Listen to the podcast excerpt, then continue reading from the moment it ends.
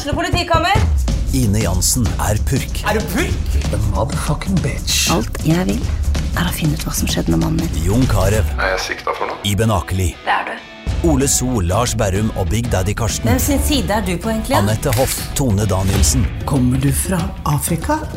Jørnis Josef, Nesten. Kløfta. Trond Espen Seim, Det er synd å si det, men det var feil mann som døde. Purk. Premiere tirsdag på TV2 Play.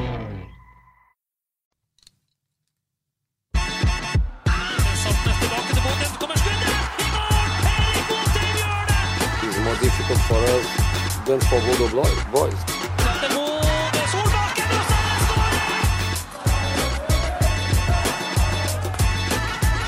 Let's enjoy it. Let's play.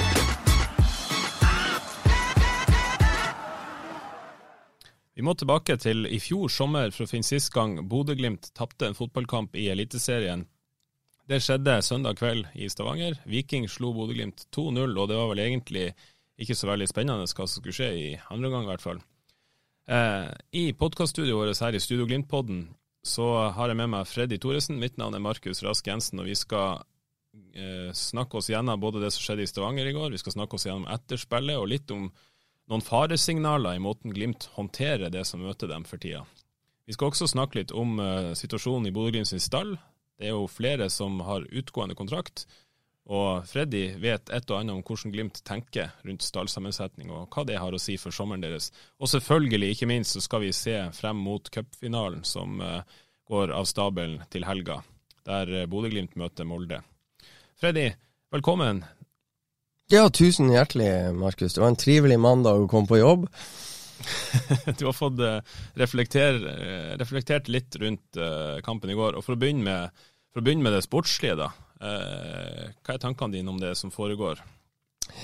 Nei, jeg må si Min første tanke rundt det sportslige er at uh, i, i, mi, i mitt hode så ser vi hvor viktig Brede Beckenbauer er for uh, Bodø-Glimt. Han var ikke med til Stavanger, og eh, da, eh, når ikke Brede Mo er på banen Jeg kaller han Brede Beckenbauer herfra og ut, men dere skjønner alle at det er Brede Mo jeg snakker om da. Eh, han er veldig trygg i, for hele gjengen å ha i de bakre rekker, spesielt når Glimt skal, skal spille seg ut bakfra. og både Marius Høybråten og Jaffet Seri Larsen er gode fotballspillere, men den rutina som Brede Mo har, har eh, ja, Marius Høybråten burde ha det. Han har den mer i det defensive duellspillet inn i boks enn eh, sammenlignet med Brede, da, som er ekstremt god i, i igangsettinga bakfra. Så savna Brede Mo var stort, og det Det gjorde jo at eh, på mange måter at Glimt aldri kom i gang. Eh, Midtbanen eh, med Elias Hagen og Ulrik og Hugo kom liksom ikke inn i kampen. De fikk ikke Glimt kom ikke i gang med å sette i gang egen midtbane bakfra, og da ble det heller eh, kjedelig. Det var, det var Ola Solbakken som ble tredd igjennom av, av Hugo Vetlesen eh, et stykke, eh, noen, noen, minutter før Viking tok ledelsen. og Det, det var vel høydepunktet for meg. og, og Gilbert Komson kom seg fri på høyre et par ganger, men han har fortsatt ikke rett adresse inn i boks. så Da ble det tynn suppe foran mål. Vi snakka om at uh, kampen mot Vålerenga, når de vant 5-1 for kort tid siden, var det beste vi har sett siden 2020. Hvordan rangerer du uh, det vi så mot Viking, når det gjelder Glimts svakere opptreden av de siste åra? Nei, altså Bodø-Glimt hadde en, et par svake bortekamper i fjor. Borte mot Odd, borte mot Sandefjord. Den uh, kampen mot Sandefjord som du refererte til, som var siste tapet til Bodø-Glimt før tapet i Stavanger. Uh, må vi så langt tilbake som 30. juni, faktisk, i 2021. Og det er nå sånn fotballen er. Det var en del gode fotballspillere på banen, både da Odd vant 1-0 og da Sandefjord vant 1-0. og Det var gode fotballspillere på banen i Stavanger også, men uh, det var et Glimt-lag som uh, tydeligvis ikke var uh, like innstilt på å gå i krigen som vikingspillerne var. og også vikingspillerne var i aksjon sist torsdag eh, på Aspmyra, så eh, hjemmelaget hadde mobilisert eh, litt mer krigervilje og, og eh, ja, hva man skal si, krefter og det som mer til er enn en det Glimt-spillerne hadde, hadde, klart inn til, til søndagens kamp. For eh, det var noe seigt og daft over, over Bodø-Glimt hele veien. Én ting er å spille propagandafotball, PlayStation-fotball og den fotballen som vi har blitt kjent med at Bodø-Glimt kan prestere. Den var jo fraværende, og det samme var, var, viljen til å være slu og smart og, og giftig i duellspillet og sterk og uh, ja, på en måte lese klimaet, sånn at de i forkant av potensielle dueller. De ble på en måte vippa av pinnen. At her kom det en en ettersleng her og en ettersleng der, og det likte Glimt-spillerne steike dårlig, og de håndterte det veldig dårlig. Hva sier det om Bodø-Glimt, hvis det er som du er inne på her, at savna Brede Mo gjør så, stor, så, stort utslag? Nei, det, altså, det er min uh, lille påstand. Det er ikke sikkert det har rot i virkeligheten, men jeg personlig savner Brede Mo. Jeg sier ikke at det er hele forklaringa, men eh, det er noe med hans evne til å på en måte spre trygghet rundt seg, gjøre eh, krevende ting på en enkel måte. Og det når, når, de andre ser at Brede gjør det, så blir det ganske sånn naturlig og, og OK, jeg ser Brede gjorde det, ja, men da prøver jeg også. Så det her er jo ikke noe de prøver å, å, å, gjøre impulsivt, det er jo noe de har studert. Men det ser, og trent og øvd på, men det ser jævla enkelt ut når Brede Moe gjør det. Og når han bare opptrer sånn som han vanligvis gjør, så er det lett for de andre å bare følge på og, og gjøre det de er satt til å gjøre. Og, så det kan hende jeg overdriver, men, eh, men litt av forklaringa Jeg tror ikke Glimt har fremstått så tafatt som de gjorde uten Brede Mo i går, hvis han hadde vært til stede. Og jeg minner om da Bodø-Glimt snudde 0-1 i fjor i Stavanger, så var det vel, ikke jeg tar feil, Brede Mo som utligna på en corner etter 67 minutter. og det var i det 67. minutt Viking tok ledelsen 2-0 i går, så det var den utligninga i fjorårets 3-1-seier kom seint ved Brede Mo, og da eh, spredde han nok trygghet som gjorde at uh, Amahl Pellegrino kunne brassesparke inn 2-1, og Erik Botheim kunne uh, gjøre 3-1 etter at han ble servert på sølvfat av Ola Solbakken fra høyre. Så nei, det kan hende jeg overdriver, men jeg tror ikke Viking har fått så lett spill med Brede på plass. Eh, Glimt har mista fryktelig mange spillere de, de, siste årene. Det er jo en Patrick Berg som uh, spilte uh, har spilt noen matcher i Stavanger. Det er jo en uh, Erik Botheim. Det er jo masse spillere som har forsvunnet. Fredrik Bjørkan. Ja, Erik Botheim var, da Glimt møtte Viking i Stavanger i fjor høst, en tøffere kriger enn Runar Espejord er akkurat nå i inngangen til 2022. og jeg innbiller meg at enkelte lag eh, studerer Bodø-Glimt på video og har litt lettere for å ta og kneble Elias Hagen enn mange lag hadde med å prøve å kneble Patrick Berg eh, forrige sesong. Jeg tror Patrick leste klimaet litt kjappere, eh, innbiller jeg meg, enn en Elias gjør per nå. Og Elias er fortsatt ung og, og skal på en måte lære seg å, være den hærføreren på midtbanen til Bodø-Glimt som det Patrick Berg var. Elias sier at han skal løse det på sin måte, og det respekterer han for at han skal gjøre, men jeg tror det er litt lettere for uh, motstanderlagene å, uh, å nøytralisere Elias Hagen per nå enn uh, det var å nøytralisere Patrick Berg i fjor. Men det vil komme, Elias. Han vil lære, og han, han vil forhåpentligvis bli blir vanskeligere og vanskeligere å kneble etter hvert som han får loggført enda flere kamper i den posisjonen. Vi skal eh, snakke mer om det som skjedde i Viking, og vi skal snakke litt om hvordan Glimt eh, håndterer rammene rundt kampen. Vi skal snakke litt om hvordan Glimt håndterer den måten Viking faktisk har ja, kjempa det ut av stilen i halvannen kamp nå. Vi skal ha en kjapp liten pause først. Saltnes tilbake til Bodø, kommer skuddet! I mål! Erik Botheim gjør det!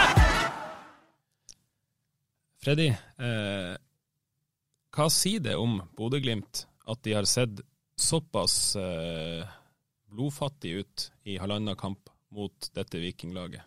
Nei, jeg har, eh, jeg har, en liten mistanke om at uh, det har vært mange kamper. Har, de har ikke fått Nå er Vikingkampen spilt, og de har ei uke, ei normal, helt vanlig treningsuke inn mot cupfinalen på Ullevål mot Molde. Ei sånn eh, normal treningsuke er det en stund siden Glimt har hatt. Eh, det, de har på en måte vært kamp eh, søndag, torsdag, eh, søndag, onsdag en periode. Kanskje ikke onsdag, da, men, men mandag, torsdag har det vært en del av, blant annet. Og Glimt har eh, Mange Glimt-spillere har sagt at det, det, er på en måte nydelig å spille seg i form gjennom kamper, men, eh, men jeg tror òg det blir en fordel eh, en periode å få loggført litt flere rene treningsuker. De får ei nå, og, og, jeg tror kanskje Det virker på meg så de er de slo tilbake etter fadesen i Roma, så slo de tilbake med bravur hjemme mot, mot Vålerenga. Så var de gode i 30 minutter.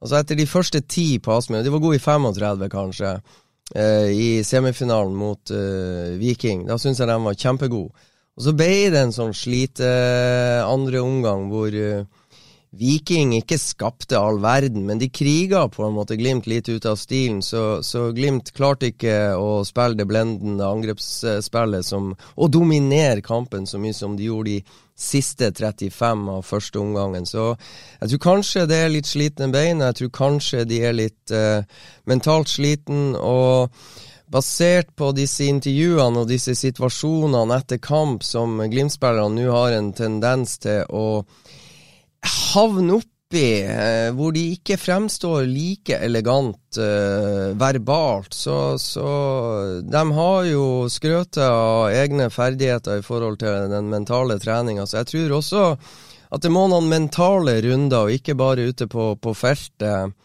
Uh, inn mot cupfinalen. Uh, de har litt å jobbe med, det er det ingen tvil om, både på og utafor banen, føler jeg.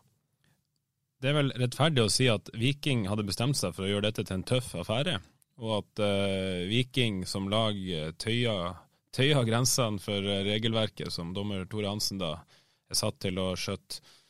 Uh, hva syns du om måten Bodø-Glimt håndterte det fysisk tøffe spillet til Viking på? Nei, altså, jeg innbiller meg Jeg er jo fortsatt litt irritert over det jeg så på For å ta semifinalen på uh, torsdag på Aspmyra mot Viking, så er det for meg fortsatt ei gåte. Ola Hobber Nilsen skal være en av landets beste dommere. Og jeg og du har lov å irritere oss over det, men Glimt-spillerne er nødt til å legge det bak seg. Men jeg mener at fire Glimt-spillere fikk gult kort.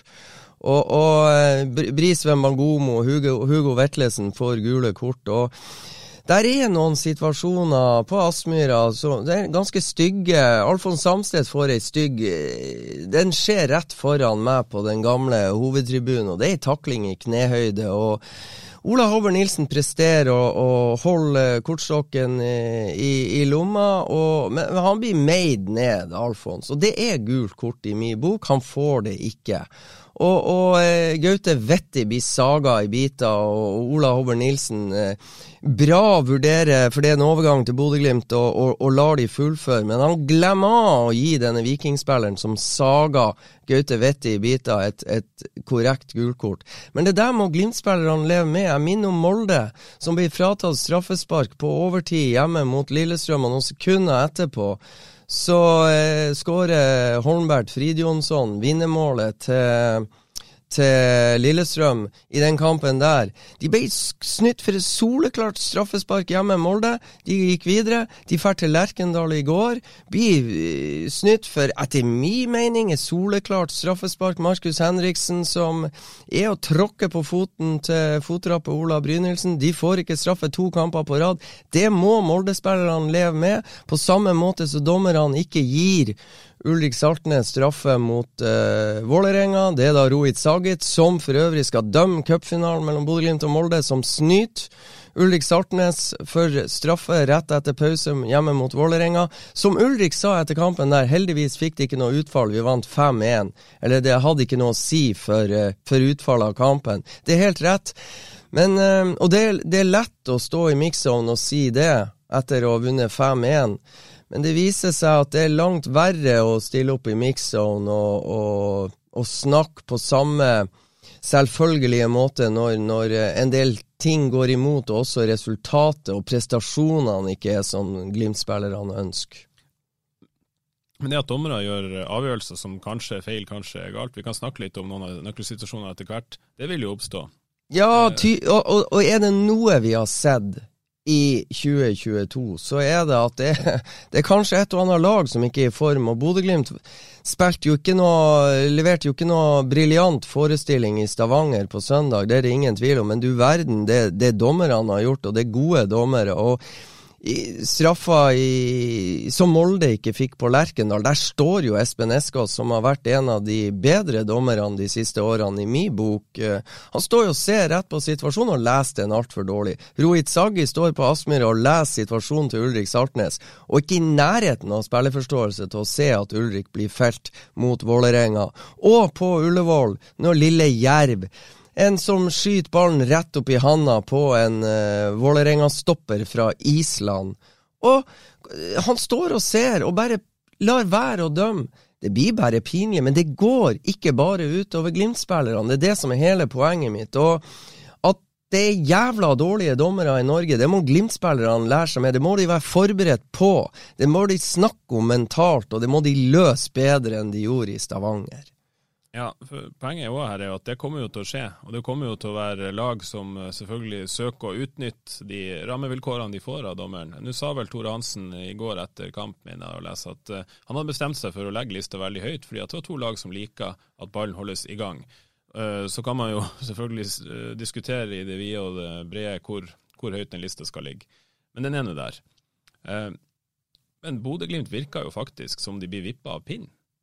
Ja, det, ja det, altså Kjetil Knutsen har vel eh, kom og, og, og, kom opp eh, og ble trener i Bodø-Glimt sammen med Åsmund Bjørkan til 2017-sesongen. og Jeg har ikke fått med meg før at han har snakka på seg et gult kort underveis i, i, kampen. Og jeg kan i grunnen forstå trenerens frustrasjon over eh, Det er vel en situasjon hvor Kristoffer Løkberg takler takler Marius Høybråten ganske stygt på ankelen en halvmeter utafor banen. Men uh, jeg tenker at det må være mulig å, å, um, å håndtere fjerdedommere og hoveddommere på en, på en, annen måte enn å snakke på seg i illsinne et uh, det virker som han er bitte litt av ubalanse. Nå har det vært klammeri med dommere og fjerdedommere siden Roma var på besøk i Bodø, og det der må de bli ferdig med. Altså, de må, de må legge den der, der ballen død, og de opplevelsene, de må bli ferdig med det og ikke fortsette. På meg virker som Det virker for meg som de fortsetter å gnage og gnur på, på den type ting. Han kunne stille og rolig gått bort og spurt Tore Hansen hva i alle dager Altså, det, det, altså, han kunne ha gjort det i spillerturné. Altså, i, i pausen, utafor kameralinsene sitt åsyn osv., osv. Hva, hva er vurderinga der? Å be om ei forklaring. Og som han er, han er, årets trener tre år på rad, og den respekten bør han ha hos dommerne, at han kan få ei forklaring, istedenfor å begynne å krangle med fjerdedommeren der og da, og, og ta det i affekt. Men, men det er klart, vi blir alle hissige. Jeg blir hissig når jeg sitter og ser på, og, og jeg skjønner at det er vanskelig, men, uh, men det, det, fremstår jævla lite stilig, jeg må si det. Ja, og så er det jo det vi, vi og du og vi alle har sittet og hylla, og Fotball-Norge uh, har hylla Bodø-Glimt for nå i tre år. Det er den ekstreme evnen til å ha fokus på det du kan gjøre noe med. Den ekstreme evnen til å være fokusert på egen prestasjon. Ja. Når man hører de intervjuene uh, Hører du mye snakk om egne prestasjoner, egentlig, i, de, i, det etterspillet i Stavanger? Nei, jeg gjør ikke det, og det er det som, eh, det er det som um, Glimt spiller jo ikke en god kamp uansett. Nei, de, de spiller ingen god kamp, og de, um, de, lar seg lure ut i affekt og, og i sinne til, til, å uttale seg om situasjoner og, og, og, tvilsomme situasjoner, og de og da, da, Du kan si de, de, avslører at de er litt ute av fatning, og så er det en gang sånn De har sjøl lagt opp til det her prestasjon og fokus, og det har jo vært mantra i 2020, 2021 og nå i inngangen til 2022, og vi har hørt det i etter bortekamper og hjemmekamper mot Celtic og Aset og hjemmekamp mot Roma, og, men det er blitt det er blitt mindre og mindre da troverdig her nå, etter hvert som eh, ting har skjedd og, og eh. hva, hva, gjør Glimt nå for å komme inn på rett spor? Hva gjør Kjetil Knutsen i uka inn mot cupfinalen nå for å få guttene der de skal være, for å få fokuset der det skal være? Nei, jeg tror de tar eh, gode runder med Bjørn Mannsverk. Som jeg sier, gode runder med Bjørn Mannsverk eh, mentalt før og etter trening. Og jeg tror de forbereder gode økter og, og gjennomfører gode økter. Og så håper jeg og tror at de klarer å vise det de har vist over tid nå, at eh, de legger det bak seg, det som har skjedd. Det de ikke får gjort noe med, kan de ikke gjøre noe med. Kampen er spilt, de har tapt for første gang siden 30. juni i Eliteserien i Norge. De må legge det bak seg. Det, de har tydeligvis um, De har ikke helt klart det da uh, i andre omgangen. det der som Altså, opplevelsen i Roma, andre omgangen mot Viking uh, på Aspmyra, og nå bortekampen mot Viking, så så har de liksom ikke helt klart å bli ferdig med ting. Men det um, har de nå ei uke på seg, og så gjenstår det å se om de klarer det. Enn så lenge så velger jeg jo å tro det, men uh, jeg tror de må gå noen runder både på og utafor banen for å få på en måte det mentale på plass, og så får de ta det fysiske underveis fra, fra halv elleve og, og, ut i timene de jobber på feltet. og så er det sikkert noen timer på, bak videospilleren og analysepulten osv., og, så videre, og, så videre, og så blir det noen runder mentalt. Så det blir i flere bolker og i flere sekvenser. Så, men det er en hardtarbeidende gjeng. De har lange dager. Jeg tror de kommer til å bruke tida godt, og de må bruke tida godt. For uh, sisteinntrykket de har etterlatt uh, etter reisa til Stavanger, det, det imponerer ikke mange. Verken sportslig, verbalt og mentalt. Eh, og så har det jo vært ei ramme rundt både kampen i Stavanger, kampen i Roma, og ikke minst så kommer det til å være ei ramme rundt kampen eh, nå til helga i, i, Oslo mot Molde, som er ganske massiv. Det er en voldsom oppmerksomhet rundt Bodø-Glimt som lag. De har på en måte blitt bygd opp med rette som Norges beste fotballag. Da blir du også ei skyteskive. Da blir du utsatt for uh, stikkere i intervjuer. Du blir utsatt for sikkert stikkere under kamp. Du blir utsatt for den Altså, det betyr litt ekstra for Slatko Tripic og Vietnam Berisha å vinne den kampen i går, enn om det er Sandefjord hjemme. sånn er det å være topplag. Hva må Glimt gjøre for å takle det å bli møtt på den måten, og det å takle rammene rundt at det er faktisk årets kamp for Viking når Bodø-Glimt kommer med full stadion? Ja, det bør de bare begynne å forberede seg nå på at de, eh, de, er det laget som Rosenborg i mange år har vært. Altså det laget alle elsker å slå, og det alle utafor banen eh, elsk og hat, for å si det sånn. Og de er bi medias skyteskive, og de har på en måte lagt litt opp til det sjøl. De har vært uovervinnelige. De har gått på vannet over lang tid, og eh, da må de på en måte håndtere det søkelys og det fokuset de får før kamp, under kamp av sine motstandere, og etterkamp av media. Og jeg er ikke sikker på Jeg kan på en måte ha en viss forståelse for at uh, kaptein Ulrik Saltnes velger å ikke prate med media etter det som, det som skjedde i Stavanger. Men vær klar over det, at ved ikke å face pressen etter kamp, så vil du få det på deg i etterkant. Klubben vil få det på seg. For det er ikke så mange norske spillere som nekter å prate med presse etter kamp. Det er ikke så voldsomt presseoppbud på noen av disse kampene. Selv ikke når Bodø-Glimt spiller foran 15 000, eller hva det er i Stavanger, og det er stort fokus. Så det der fokuset må de bare håndtere. De må bare tåle det. Og jeg, jeg tror ikke det er det smarteste til syvende og sist å, å gå gjennom pressesonen uten å uttale det. Og det er uvanlig at Glimt-spillere gjør det. Jeg kan ikke huske siste gang det skjedde, men, men um, så veldig smart tror jeg ikke det er i det lange løp. Hva blir det neste? Du nevner Ulrik Saltnes der, og vi, eh, vi, kan jo vi kan snakke om flere dommeravgjørelser. For å ta den først, da. Bør Ulrik Saltnes få rødt kort? Altså, Det ser jo ikke fint ut på TV-bildene, og hvis du sitter og bare bedømmer TV-bildene uten å få en forklaring på hva som skjer der egentlig, hva, hva, gjør han, hva tenker han, er han i ubalanse, mister han eh, satsen på, på, den ene foten som gjør at det var umulig å, å komme seg opp der og da, at eh, At, at det er utilsikta. Ja, men da må vi jo få den forklaringa, da. Eh, Sier vel i intervju med Discovery etterpå, han, han kaller det unødvendig gjort av seg sjøl. Så det høres ikke ut som han sjøl mener det. eh, I hvert fall ja, du kan si den ser ikke pen ut, og det ser i hvert fall ikke pent ut det å gå opp i ansiktet på en hissig assistenttrener på vikingbenken og, og rett og ta handa opp mot halsregionen til denne treneren. Det ser ikke veldig stilig ut, eh, jeg må si det. Og jeg skulle ha ønska at både spillere og Glimt-trenere kunne sørga for å ikke havne i sånne situasjoner. Bevar roen, bevar kulnesen, og ikke la deg trigge opp til å ta handa opp mot halsen til en trener som står og kjefter.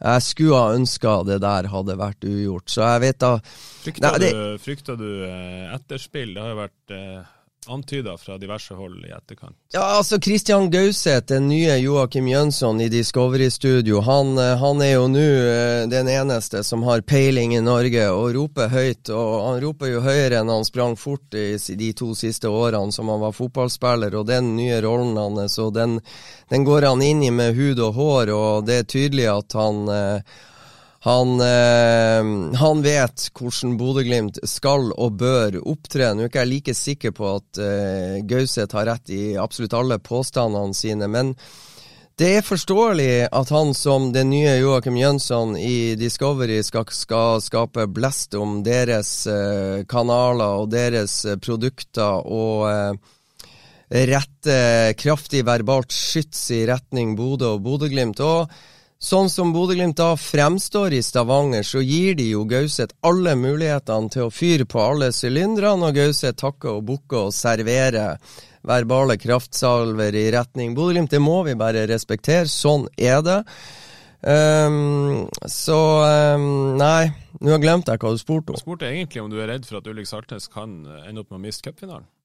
Ja, altså Jeg har vel like stor eh, Jeg har sett stygge episoder i 2020. Jeg har sett stygge episoder på banen i 2021 som eh, ikke blir tatt eh, av disiplinærnevnd disiplinærnemnd og, og i det hele tatt.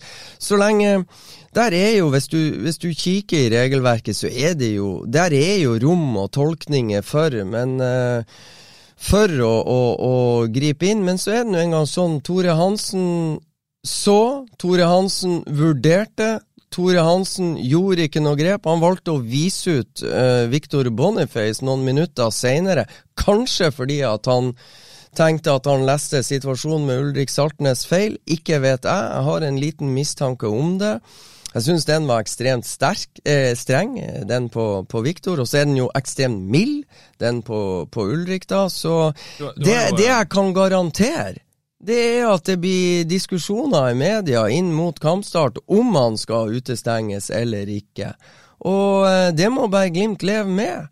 Det er støy, det er unødvendig, det må de løse, uansett utfall. Mm.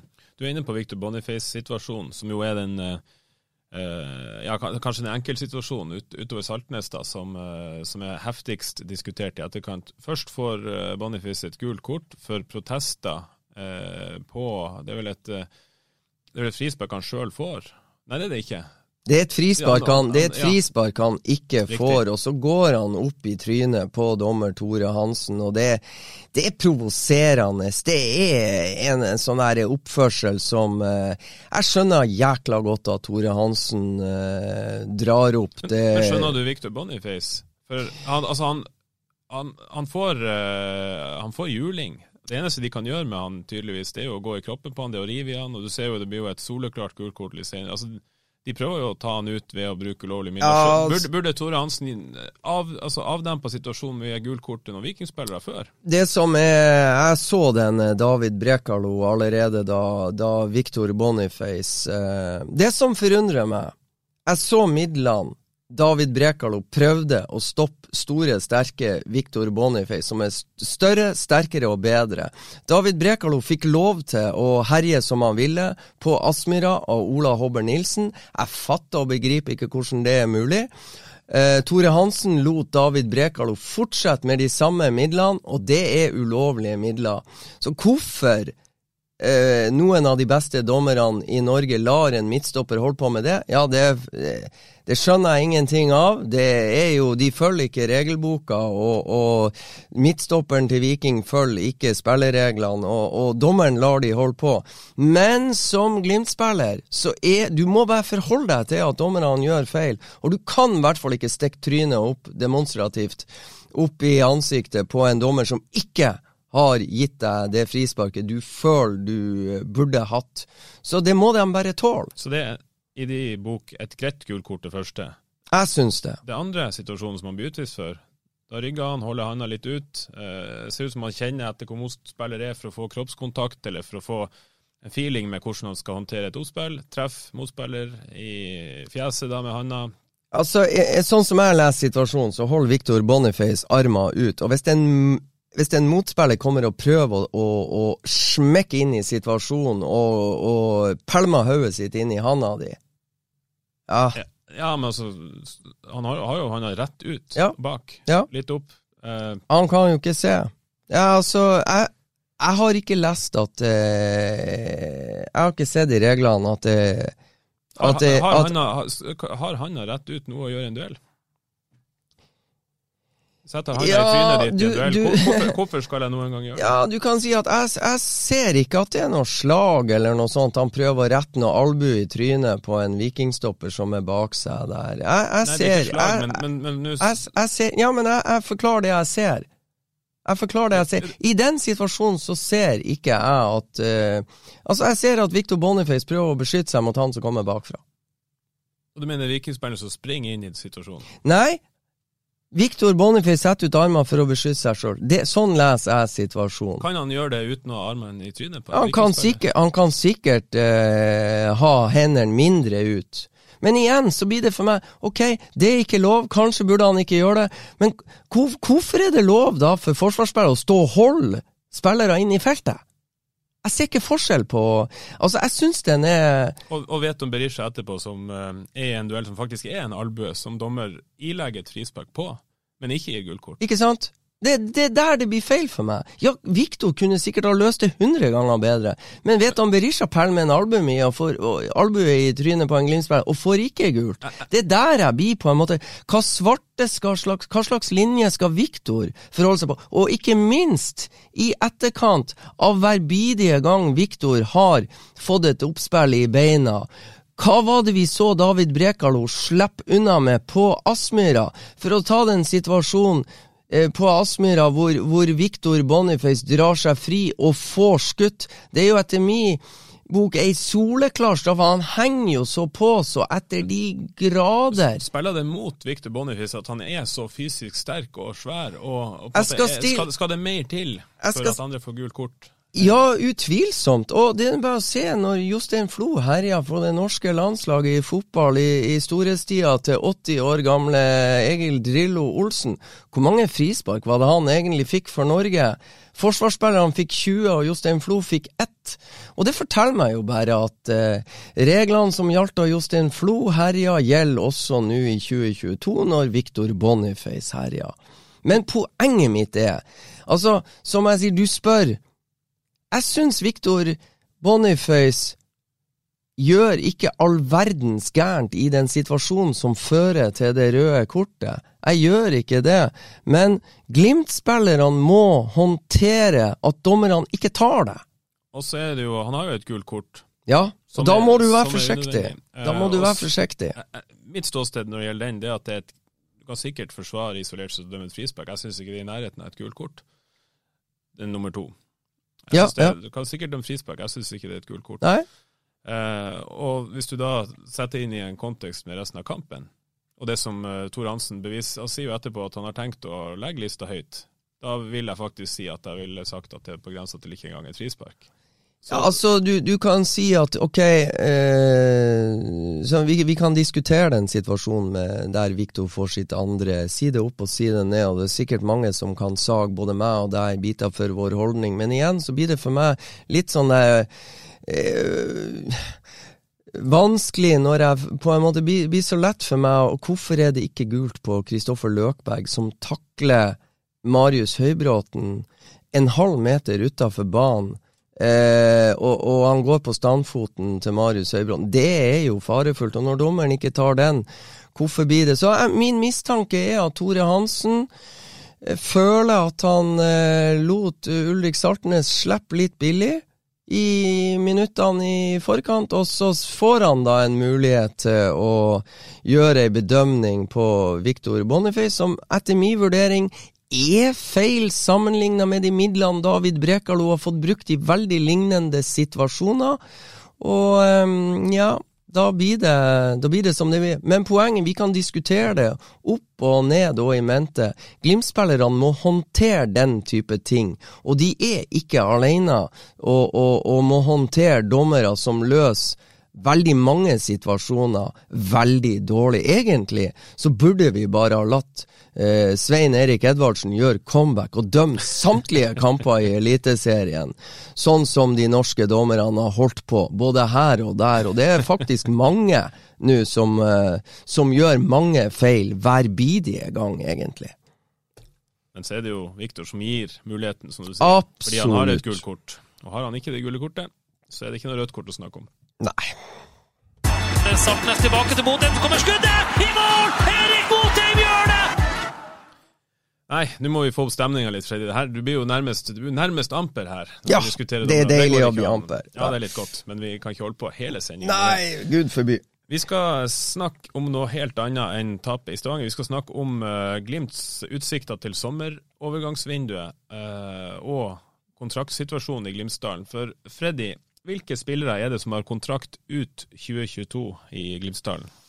Ja, Glimt har gjort en jobb allerede, og det kommer vi tilbake til. Men eh, de som er verdt å følge med, Nikita Haikin er inne i sitt eh, siste kontraktsår. Eh, blir ikke lett å erstatte hvis ikke Glimt får forlenga med han. Eh, Ola Solbakken, Alfons Samsted og Amahl Pellegrino er de jeg har igjen. Og så står også Sebastian Tonekti, men eh, jeg har nå spurt Bodø-Glimt litt eh, hva er hva er greia der, da? Men Tonekti sin kontrakt går altså ut 2022 og er nå fortsatt på lån i Han er ikke, det er ikke gjort eh, permanent noen gang der. Han er på lån i Han er på lån i Gråningen og, og har vel um, Han har ikke vist seg frem veldig uh, Det er vanskelig å google seg frem til hva han har gjort i Gråningen. Sist, uh, sist vi hørte fra, fra Sebastian Tonekti, så var han på ferie i Tromsø og prøvde å snakke seg til TIL-kontrakt. og ble vel um, flytta ned til juniorlaget, hørte jeg, så en, en periode her. Så uh, jeg er veldig usikker på hvordan det går. Jeg har spurt Bodø-Glimt om de følger med, jeg får ikke noen konkrete svar. Men til spørsmålet Nikita Haikin, Ola Solbakken, Alfons Samsted og Amahl Pellegrino. Fire spillere som har vært Helt til Amahl ble uh, skada, da. Um, vært i startoppstillinga egentlig hele år. Og det er nøkkelspillere, alle mann. Av de så har jo Ola Solbakken eh, gitt beskjed om, i hvert fall eh, tidligere var holdninga hans, at eh, han eh, gjerne vil bort. Eh, han har vel sagt at han ikke kommer til å signere ny kontrakt. Eh, hvordan tror du Glimt ser på tilfellet Ola Solbakken? Er det sånn at man kommer til å jobbe aktivt med et salg i sommer, eller tror du man eh, er beredt til å la kontrakten løpe ut dersom man ikke signerer ny? Hvis jeg skal forholde meg til Kjetil Knutsen sine det han har sagt til meg tidligere. Altså, For å ta Philip Sinkernagel Kjetil, Kjetil eh, liker veldig dårlig å på en måte For å ta 2020-sesongen, Glimt jobba med Philip og, og ønska å få Philip til å forlenge, forlenge, forlenge. Philip viste ikke vilje til å forlenge. Kjetil, det byr imot Kjetils natur å på en måte skulle demonstrere overfor en spiller som ikke ønsker å forlenge kontrakten. Så lenge spiller er god nok på trening, så lenge spiller er god nok for laget i forhold til hovedtrener Kjetil Knutsen sine eh, krav, så får spiller start, uavhengig om han signerer eller ikke. Derfor spilte starta Philip alle kampene også i 2020, vel vitende om at han kom antageligvis til å dra videre. Så det syns jeg er ærlig og riktig vurdert av Kjetil Knutsen. Det er klart Bodø-Glimt kommer til å prøve å, å, jobbe med både Jeg vet de har forhandla lenge men med Alfons. De har ikke blitt enige. Eh, hvor langt de er kommet med Amahl, vet jeg ikke, og, og Ola Nikita er jeg også litt usikker på. Om Jeg tror ikke Kjetil eller Glimt de trenger ikke å selge. Det er det ene. Jeg tror de ønsker å ha et best mulig, sterkest mulig lag ut hele sesongen. og hvis Ola Solbakken er god nok for det, så kommer han til å spille. Og hvis Nikita er god nok for det, så kommer han også til å spille. Glimt trenger ikke penger. De har spilt inn nok, de har solgt nok. De har solgt Botheim, de har solgt Patrick, de fikk inn millioner. De har spilt inn uh, masse millioner i Conference League. Penger trenger de ikke akkurat nå, uh, så de må ikke selge. Så da kommer de uh, men alt avhenger av hvor høyt bud får de på eh, Ola Solbakken plutselig. De ønska ikke å selge Am Amola Joni. Plutselig dukka det opp et bud på 15 millioner fra eh, Pyramids i Egypt. Mm. Da hadde de litt mindre penger, så da fant de ut at her, eh, her må vi jo prøve å få til en deal. Men, men hva påvirker kontraktsituasjonen, og særlig da hvis det de ikke er fremgang i forhandlinger, påvirker det summen Glimt spør etter i sommer? Eller det Glimt anser som en god nok sum for å selge en Hvis de spiller som mot Vålerenga eh, hjemme, så uh, blir jo summen høy. Hvis de spiller som mot uh, Roma borte og Viking borte, så går jo prisen litt ned. Så Men jeg tror, tror Glimt har en klar formening. Prisen bør være høy hvis du skal slå til. Men så det, vet vi òg at det, jo kortere tid det er igjen av kontrakten, jo, uh, jo eh, lavere blir eventuelle summene som kan dukke opp. Så det kom noen bud på, på Philip siste høsten hans i Glimt. og ja, jeg hører rykter om både 15 og 17 millioner. Glimt lot være. Jeg hørte bud på 15 mill. på, på Fredrik Bjørkan høsten 2021. Glimt lot være å selge, og eh, det har de jo rett til. Men ikke sant, kommer det et bud på 25 på Ola Solbakken, så er det egentlig vanskelig å si nei til å, til å cashe inn der og da. Men hva Glimt svar til syvende og sist, det, det vet jeg ikke. Men uh, Du som kjenner situasjonen, i hvert fall kjenner både både historikken litt i forhandlingene og situasjonen til den enkelte. Hvordan, hvem av disse fire har du mest tro på at signerer en ny kontrakt?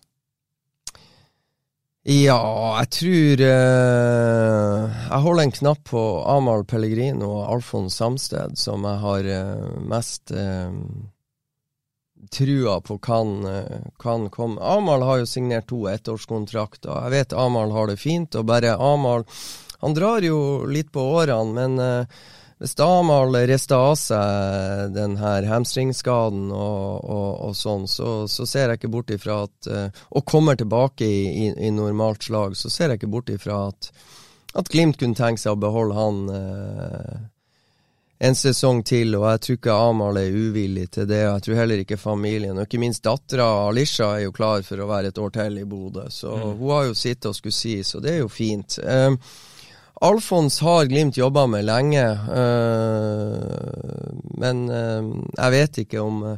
men, men, det som jeg syns som jeg vil spille inn her, bare sånn til Nikita, Ola Solbakken, Alfons Samsted, de tre For jeg tror kanskje det er de som De tre har muligheten til å stikke ut. Og forskjellen på å stikke ut som bossmannsspiller Altså, Ricardo Friedrich dro til Tyrkia som bossmannsspiller. Der ble han i halvannet år. Nå står han i Kalmar i Sverige. Mm. Og eh, hvor jævlig mye stiligere det er å være keeper i Kalmar i Sverige enn å være kaptein i Bodø-Glimt og ta seriegull i 2020, 2021 og være med og herje i Europacupen.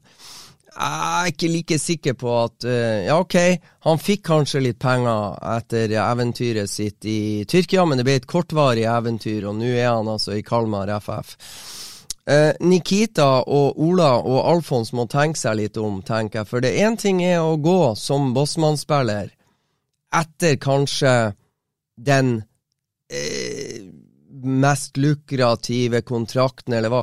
Hvor jævla lyst har en klubb på deg hvis de henter deg som Bossmann-spiller? Og da sikter jeg litt til Marius Lode, som blir henta som Bossmann-spiller til Schalke 04. Og jeg ser at Schalke 04 har henta en østerriksk midtstopper på 21 år nå, og at, og at Marius Lode, før han kom inn som høyreback i Schalke 04, etter at trener Gramosis ble sparka, så var han femtevalget på stoppeplass i Schalke.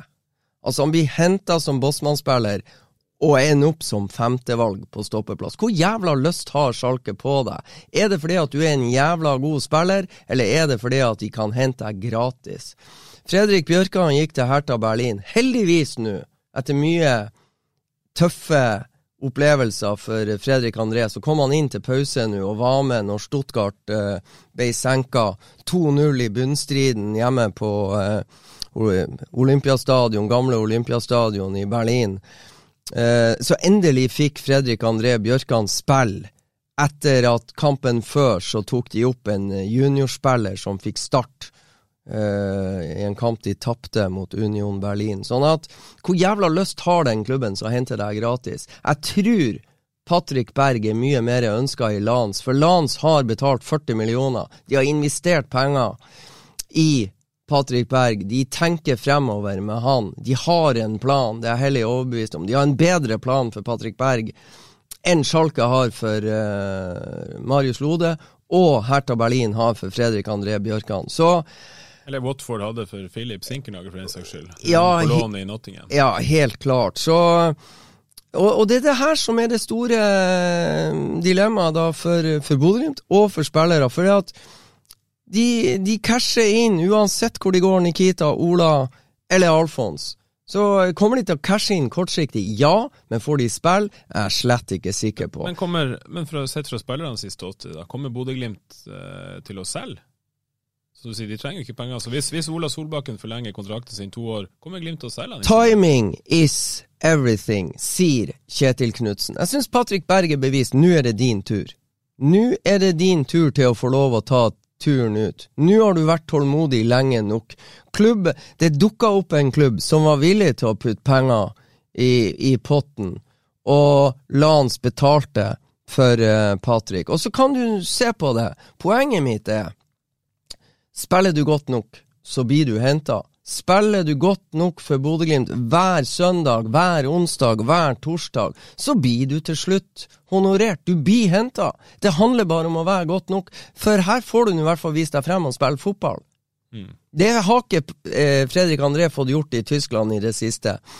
Marius Lode fikk ikke det i begynnelsen. Han fikk to kamper som høyreback. Jeg tror ikke de to kampene som høyreback får Marius Lode inn i troppen på det norske landslaget under uh, Ståle Solbakken. Jeg tror ikke det.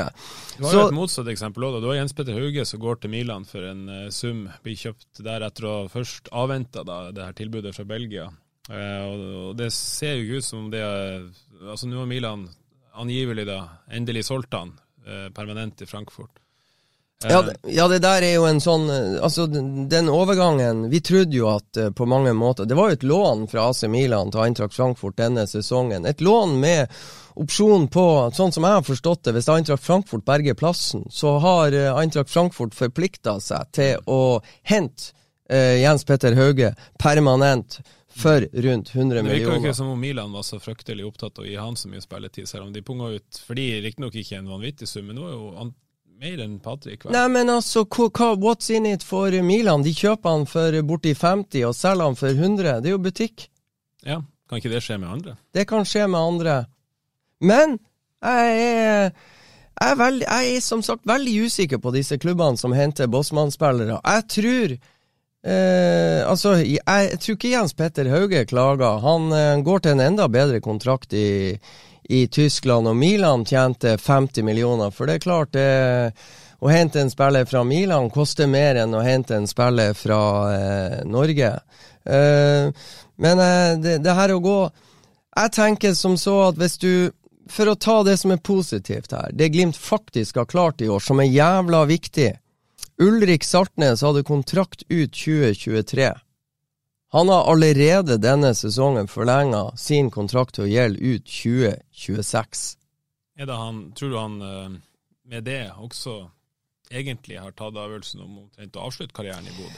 Jeg tror blant annet det. Men så er det en gang sånn at hvis Ulrik i løpet av 2022, sesongen med Bodø-Glimt, kommer opp på samme nivå som han viste i 2020 og 2021, så kan det godt ut av det store intet dukke opp en eller annen klubb som ønsker å kjøpe denne 30-åringen etter hvert, da. For 15 millioner. Hvis Ulrik går da til Bodø-Glimt Han har vist Bodø-Glimt lojalitet over tid. Hvis Ulrik går og sier du, gutta, dette har jeg faktisk lyst til. Dette er min mulighet til å sikre hele familien min på livstid. Så tror jeg Glimt kan selge han for 15 millioner. Den, den ærligheten tror jeg finnes der mellom. Og så har du Brede Mo. Hadde kontrakt ut 2023, har forlenga til 2024, allerede denne sesongen. Brede tror jeg blir. Brede Beckenbauer Stays. Victor Boniface hadde kontrakt ut 2022. Har allerede forlenga ut 2023. Det betyr hvis han skinner som faen utover 2022, så kan Glimt selge han med sesongslutt og sitte igjen med penger. Det tror jeg Viktor er opptatt av, og, eh, og, og jeg tror Glimt er selvfølgelig opptatt av å ha på en måte muligheten til å unngå det her, at Viktor skinner som faen i 2022, for så å gå gratis til en eller annen klubb. Men viktigst, da. Elias Hagen hadde kontrakt ut 2023 kommer inn nå og er fast og er, har erstatta Patrick Berg og skal vokse enda mer inn i den rollen. Han forlenger til 2025. Hva er han opptatt av? Han er ikke opptatt av å fyke ut plutselig nå og cashe inn i første forsøk. Han vet at hvis han, han har tillit, han skal vokse inn i rollen, bare han gjør jobben, så kommer tilbudene til å komme. Mm.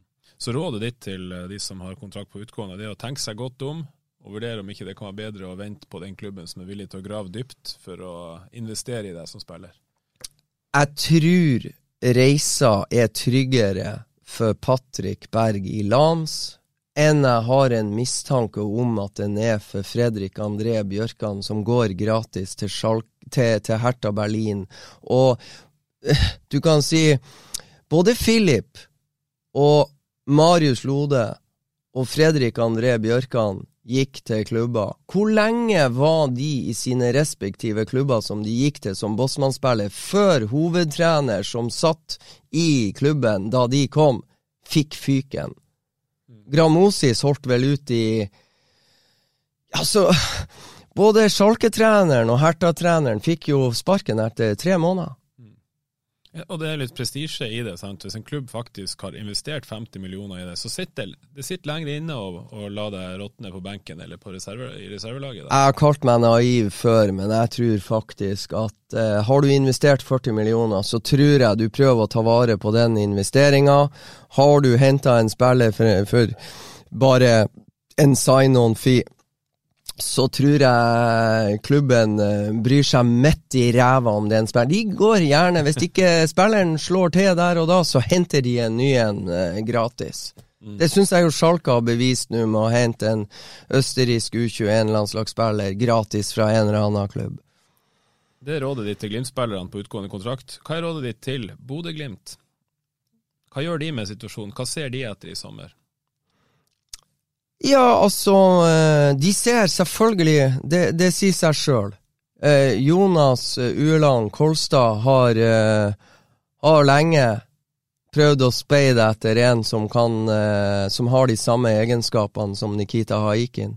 Trygg med ball, tøff, god. Jonas leter ikke etter en keeper på 2.05. Han leter etter en litt lavere keeper som er så eksplosiv og, og kraftfull som det Nikita er. Har de noen på blokka? Nei, ikke så jeg har hørt. Uh, de verner om uh, De verner om uh, godbitene sine veldig. Jeg har ikke hørt noen rykter. Men keeper, ja. Det er de nødt til å se på. Betyr det at det, sånn, det, kommer ikke til å skje det samme som sist Glimt mista en førstekeeper? Da Friedrich forsvant og Haikin gikk inn og vokste seg inn til å bli ny førstekeeper. Det er ikke sånn at Joshua Smiths er der i Glimts vurdering? Ja, det er han jo helt sikkert. Joshua har vel Jeg må se hva jeg satt Joshua um, Hvor lang kontrakt har han? Han har vel også ut 2023, mener jeg, så, så han er nå i hvert fall under kontrakt. Så han får nå en fair sjanse til å til å vise seg frem, og så får du være opp til Jonas, og, eller så får det være opp til Joshua å overbevise Jonas om at nå er det nå er det din tur. Og, og Nikita greip jo virkelig den uh, muligheten etter hvert. Han fikk tre-fire kamper, han røk ut etter 3-2-seieren på Lerkendal i 2020. Da røk han ut og satt på benken i ti kamper. Så kom han inn til en bortekamp i Sandefjord som Glimt vant 2-1. Og da, Det var ti kamper på benken før, uh, før Nikita gikk inn, og de ti kampene på benken brukte vår venn fra Russland med russiske aner ekstremt godt. Siden så han seg aldri tilbake. Det var, det var helt ny tenning og gnist i Nikita Aikin da han slapp til. Du, du sier Jonas. Er det, er det, sånn de jobber, at det er Jonas Kolstad som på en måte har uh har mest autoritet i det spørsmålet der, rundt hvem som er førstekeeper i Glimt? Jonas har en klar formening om hva han ser etter som keeper. Ja, og der har eh, Det lytter Kjetil til? Det gjør han.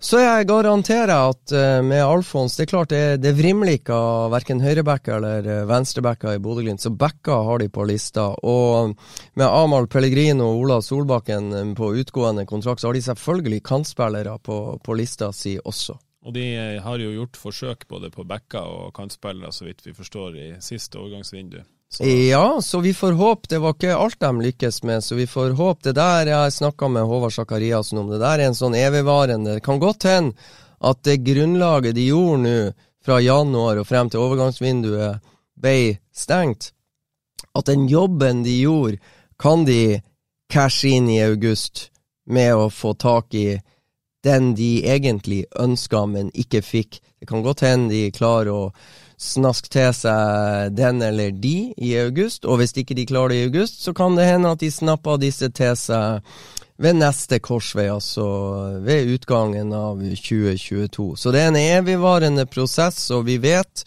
at Åsmund Bjørkan er observert på Skeid Brann eh, i Obos for litt siden. Han er observert på eh, Brann Sogndal, visstnok. Og, og, og eh, han er rundt og ser flere, og det går jo Ifølge Sogn Avis så er det en ung Ørjasæter i Sogndal som eh, han har vært og notert som Blekke Flyt. Vi diskuterer fortsatt hvem han har vært og sett.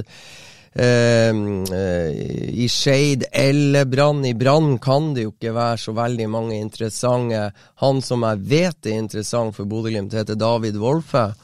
Men han var jo ikke med i troppen mot Skeid, så hvorfor han skulle dra til Oslo og se en David Wolfe som ikke er i tropp David Wolfe er da en venstreback Bodø-Glimt liker veldig godt. De prøvde å hente han for en slikk og ingenting etter at han hadde vært på lån i, fra Brann til Åsane, men uh, Kåre Ingebrigtsen sørga for at eh, David Wolfe fikk langtidskontrakt med Brann, så nå har jo prisen skutt i været. Ja. Uh, har du noen andre navn som er blitt diskutert, eller som du har hørt snakk om? Som, uh, Amola Joni var jo nevnt. Er det realistisk, for å ta den først? Ja, så eh, Et navn som har vært uh, nevnt mye, Henrik Udal i Vålerenga. Jeg forstår egentlig ikke helt hva, hvorfor en benkesliter i Vålerenga har vært på blokka såpass lenge som jeg Glimt prøver. Jeg har hørt rykter om, om Henrik Udal i hele januar, februar, mars, og det har gått små bud fra Glimt til Vålerenga. Vålerenga vil ikke selge. De har henta benkeslitere før? Ja, de har det. De har det. Men uh, jeg sliter fortsatt med uh, Jeg forstår mer av Amor Lajoni, fordi at uh, Amor har vært god i Bodø før. Kjetil Knutsen kjenner Amor, og Amor kjenner Bodø-Glimt. Og Amor kan spille høyreving, han kan spille venstreving. og kan være en grei backup for skader en del av fotballen, og, og, og det her Og kan f.eks. veksle med Amahl på høyre og venstre med Ola osv. Uh, jeg skjønner hvis de kunne ha snappa til seg han eh, for en billig penge fra Vålerenga, så er det fleksibilitet i, i det. Eh, så den eh, interessen der var høyst reell. Nå lyktes ikke eh, Glimt med å hente han, og det er ingen røyk uten ild. Glimt prøvde, men lyktes ikke.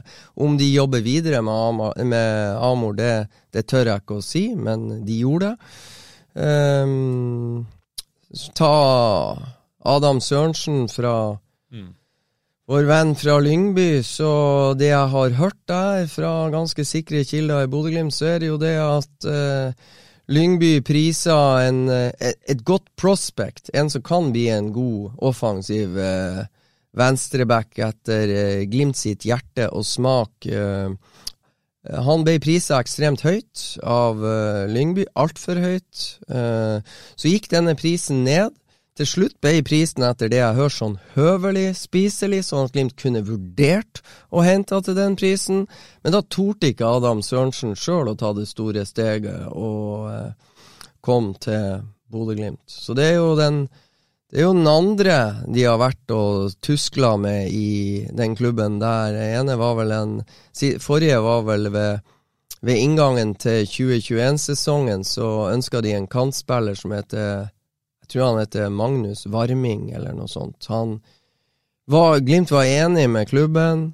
Uh, alt var i boks, og så velger da spiller til syvende og sist på overgangsvinduets siste dag og takk nei til en tur til Bodø.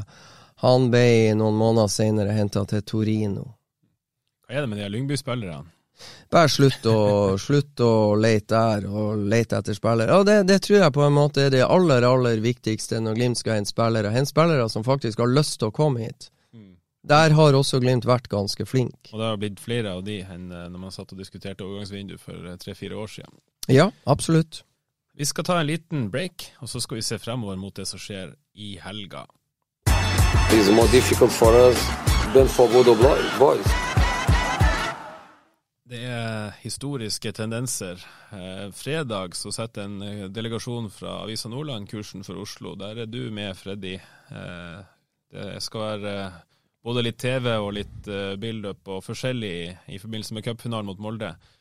Og det er jo en skikkelig svær anledning. Det er jo det, er ganske unikt i Bodøs historie. Det er ikke mange ganger at Glimt er, er i cupfinalen i løpet av en, en klubbs levetid. Hva tror du kommer til å avgjøre på banen? Hva er det viktigste Glimt må få til for å lykkes mot Molde på banen? Ja, hva er det viktige? Det var et kjempeenkelt eh, De må i hvert fall ha en, eh, en eh, De har en annen inngang. Nå, som jeg sier, Glimt må, må Glimt har vært sterk over tid til å slå tilbake etter svake kamper. De slo tilbake på direkten etter uh, 0-4-tapet i Roma. De var gode hjemme mot Vålerenga. Så har de vært bob-bob i to kamper, egentlig. De var gode nok hjemme mot uh, Viking, og så var de uh, svake i Stavanger. Og uh, jeg syns Ola Solbakken hadde ei fin det var, det var, fint å se hva han sier.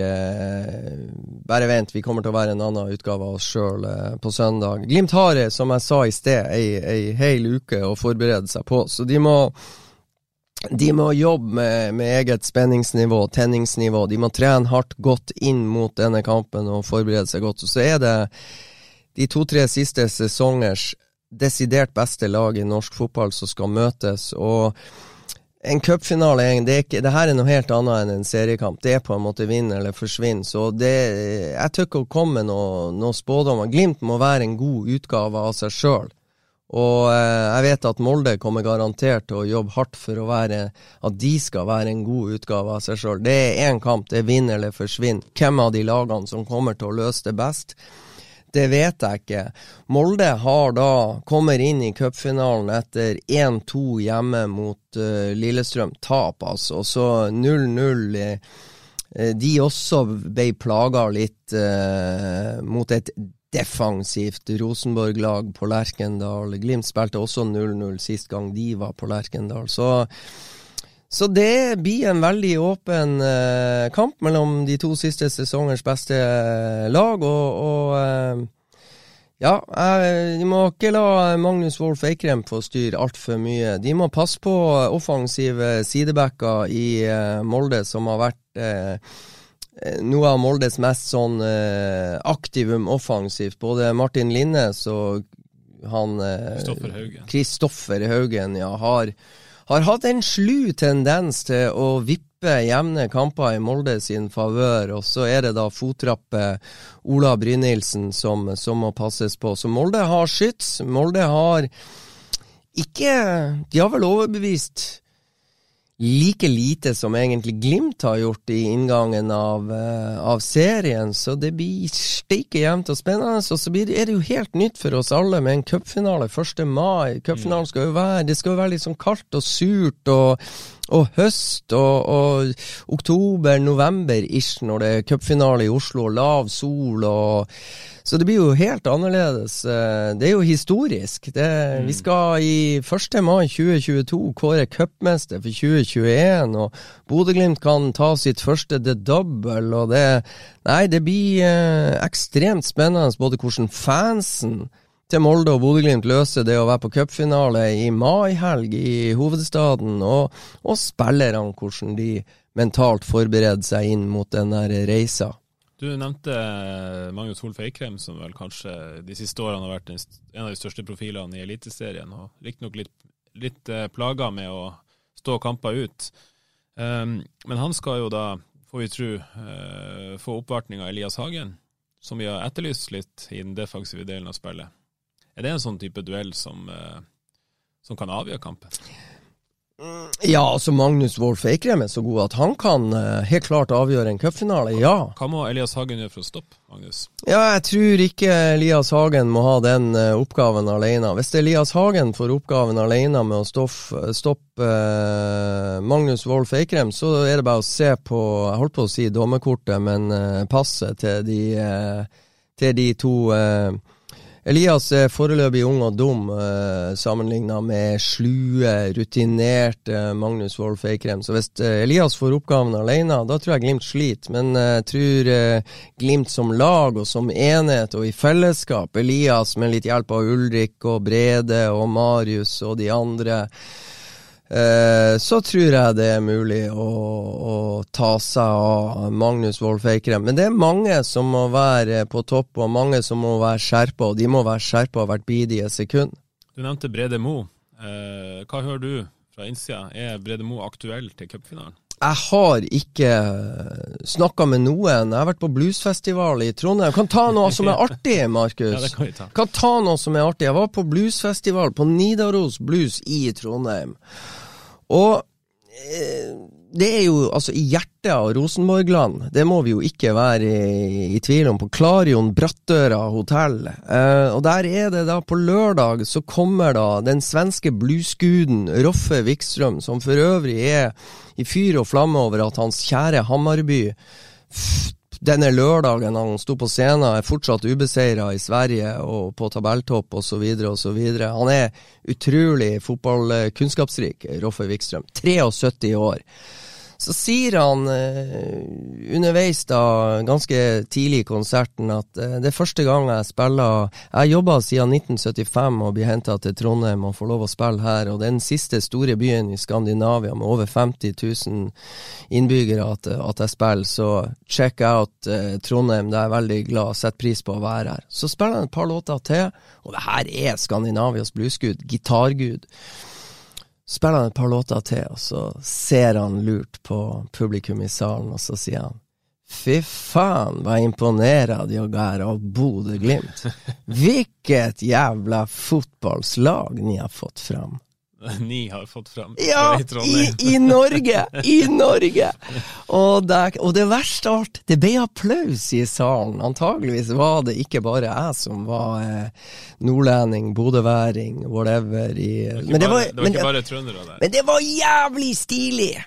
Det var jævlig stilig. Og jeg vet òg at Roffe Wikstrøm satt Da Bodø-Glimt slo Roma 6-1, så satt han fra sin base i Stockholm og så kampen i opptak, og han sendte ei fet tekstmelding til meg klokka kvart på tre den natta. Da var han imponert. Men eh, hva var spørsmålet? Vet uh, Roffe Wikstrøm om Brede Moe er klar? Brede Moe Brede Moe er god. Eh, når jeg snakka med han eh, da han skulle ta en telefon til eh, Var det unge Mathias som ble angrepet av eh, Det var en ung 14-åring som ble angrepet av Vålerenga-fans, og Brede ringte for å få telefon. Jeg har lyst til å si Julian. Julian, ja. ja. Eh, lurte på å få tak i telefonnummeret til familien der, så, så eh, hørtes det for meg ut så han eh, Jeg tolker det dit hen at det at han sto over mot Viking, gjør at uh, det øker sjansene betraktelig for at han er good to go uh, på søndag mot uh, Molde. Så, så, inntil videre så, så er jeg hellig overbevi overbevist om at Brede Beckenbauer spiller fra start for Bodø-Glimt mot Molde. Og har jeg rett, så er det jævla gode nyheter. Amal Pellegrino, tror du han starter? Ja, Amal eh, Amal eh, kommer til å ha ei god treningsuke, og eh, Amal har jo gener fra Tanzania. Jeg velger å høre litt på eh, Jan Alvor Halvorsen, at de genene der eh, blir litt friskere, litt kjappere enn eh, vanlige norske eller finske eller svenske eller islandske gener, så det tror jeg går bra med Amal. Ikke minst når han blir satt inn til pause mot, uh, mot uh, Viking. En annen ting, jeg var så alle ting i går. Glimt 2 slo Melhus 5-1. jeg så første omgang. Den spilte Morten Ågnes Konradsen fra mm. start. Morten var bra. Morten ble tatt ut til pause. Jeg tror det var bevisst uh, en test for å se om han holdt 45.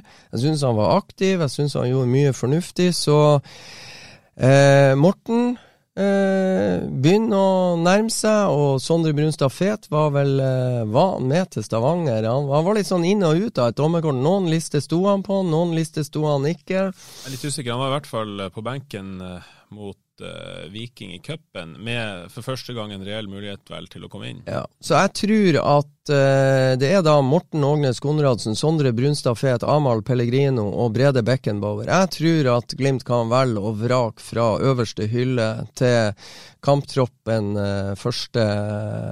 mai 2022. Jeg tror det.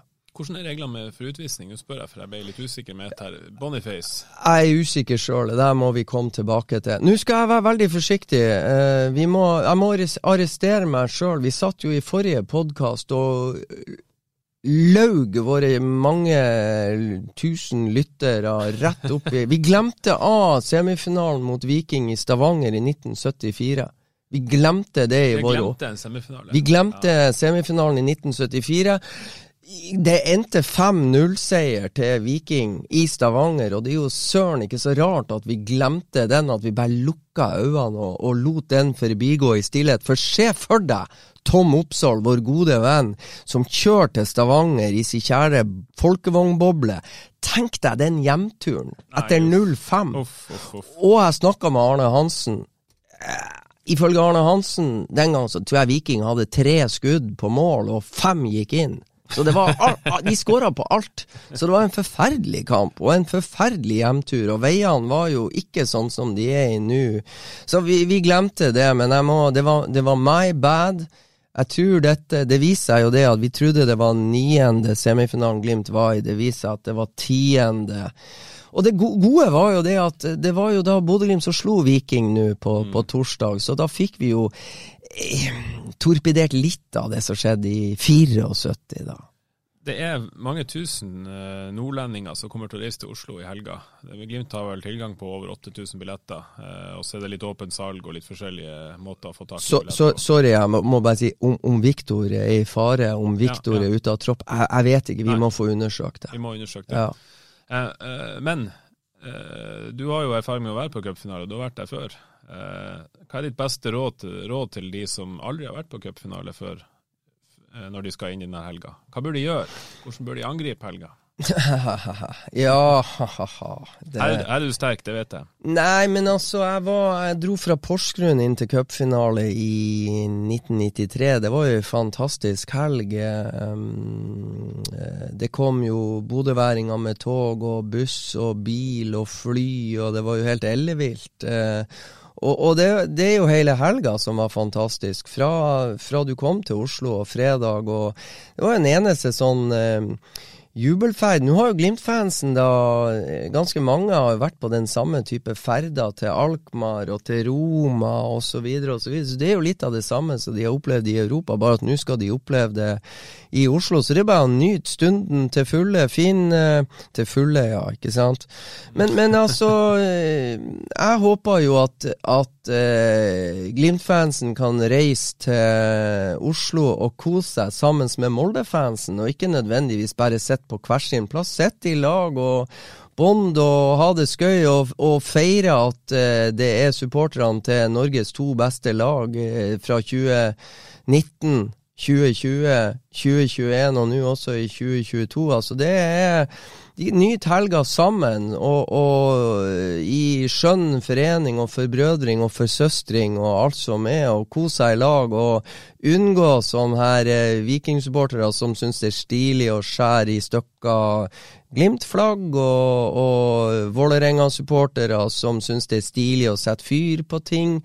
Vær i lag, ha det skøy, nyt, og så kan dere stille dere. Når dere kommer på Ullevål, så står dere i på angitte plasser så er det å la eh, kampsangene runge.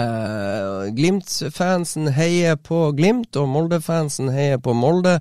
Og la det være ei, ei, ei eh, helg i Oslo hvor man feirer fotballen og laget sitt, og så, og så um, løs det sånn.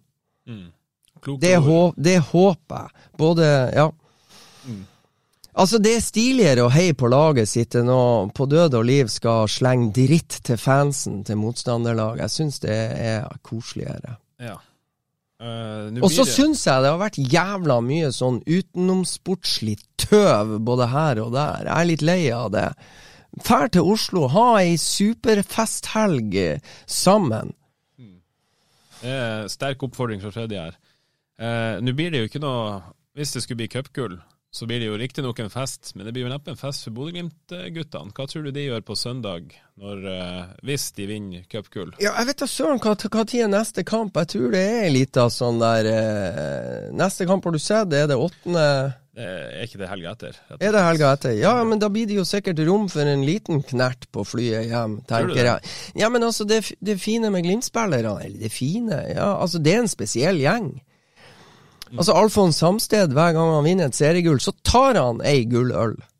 Han er Ei gulløl. Ei gulløl. Han er avholdsmann, har aldri drukket, men han har drukket to gulløl. Ei etter gullet i 2020, ei etter gullet i 2021. Uh, eh, så det er en spesiell gjeng. og et par av de Du vet, Ola Solbakken han feira kraftig etter seriegullet på, på, um, som, som, han sikra en Marienlyst. Og det var jo promille i 0 til 100 på, på en busstur fra Marienlyst til, til, Oslo. Han var vel best på børs, festbørsen etter, eh, etter seriegullet? Ja, men poenget, han konsumerte ikke all verden det lille han konsumerte, konsumerte han fort, og det ga utslag kjapt. Så mye eufori og følelser, og ikke ja, så mye promille. Ja, mm. så Eller eh, to glass vin på størten, det var det, det, det, var det som skulle til. Det trenger ikke å være så mye mer enn det. Nei da, men altså, det er en eh, det er en eh, spesiell gjeng. Jeg, jeg, kan ta Patrick Berg. Han eh, spurte han uh, da vi var i Marbella. Uh, jeg, hadde vært, jeg og Stian hadde jo vært og smugla inn fra El Corte Ingles litt smågodt. Spurte Patrick om du liker du sånn jordbærskumgreier. Ja, likte han jævlig godt.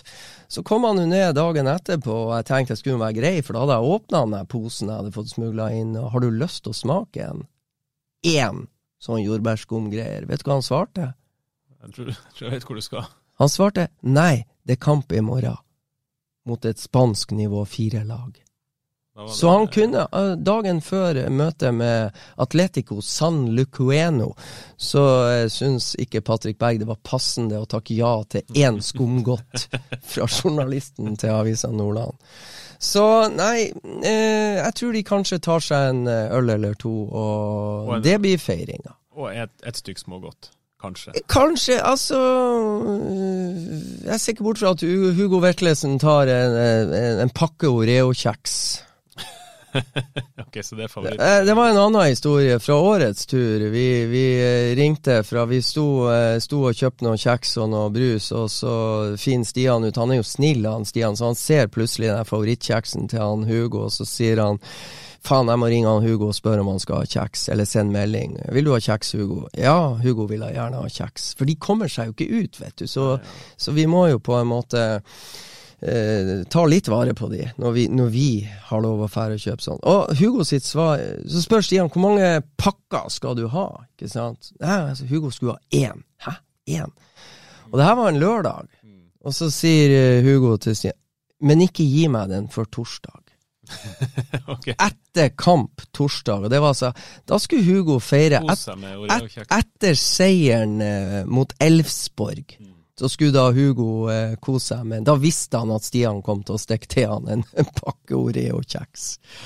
Får håpe at Så- i hvert fall fansen kan feire med litt kraftigere kost enn Oreo-kjeks. Ja, altså, det er jo det som er det fine med å være supporter. De som setter kursen til Oslo, de kan feste fredag, og de kan feste lørdag, og så bør de ha litt igjen. For det er jo ikke alle som har fly hjem til Bodø på søndag, sånn som jeg har forstått at uh, flyene er full, så det går an å Vi får håpe det blir da noe å feire. Og for noen blir det jo feiring da i Oslo, og det blir helt sikkert like trivelig som det var å lade opp fredag og lørdag.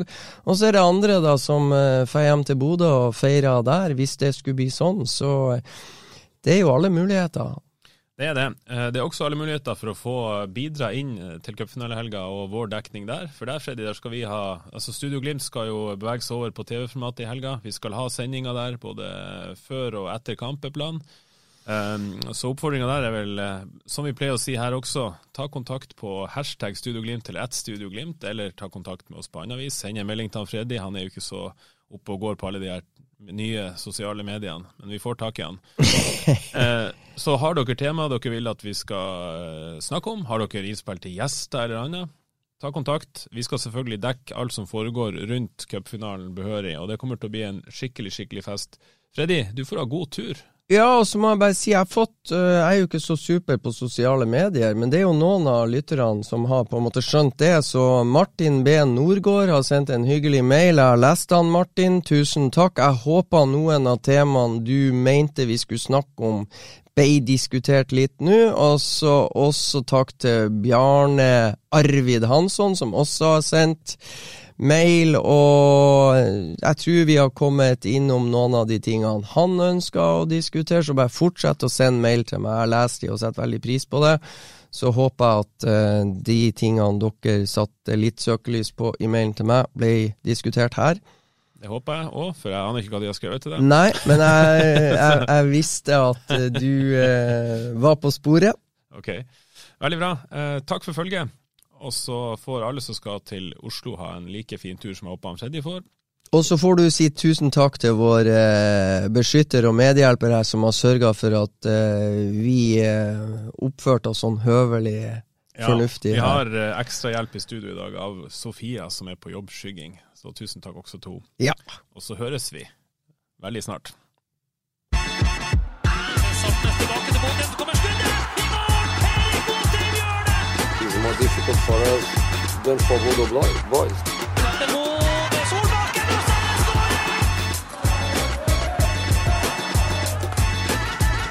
Let's enjoy it. Let's go.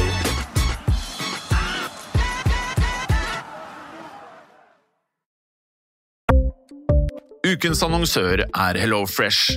HelloFresh er verdens ledende matkasseleverandør og kan være redningen i en travel hverdag. Mange av oss har nok vandret i butikken både sultne og uten en plan for middagen, som ender med at vi går for de samme kjedelige rettene gang på gang.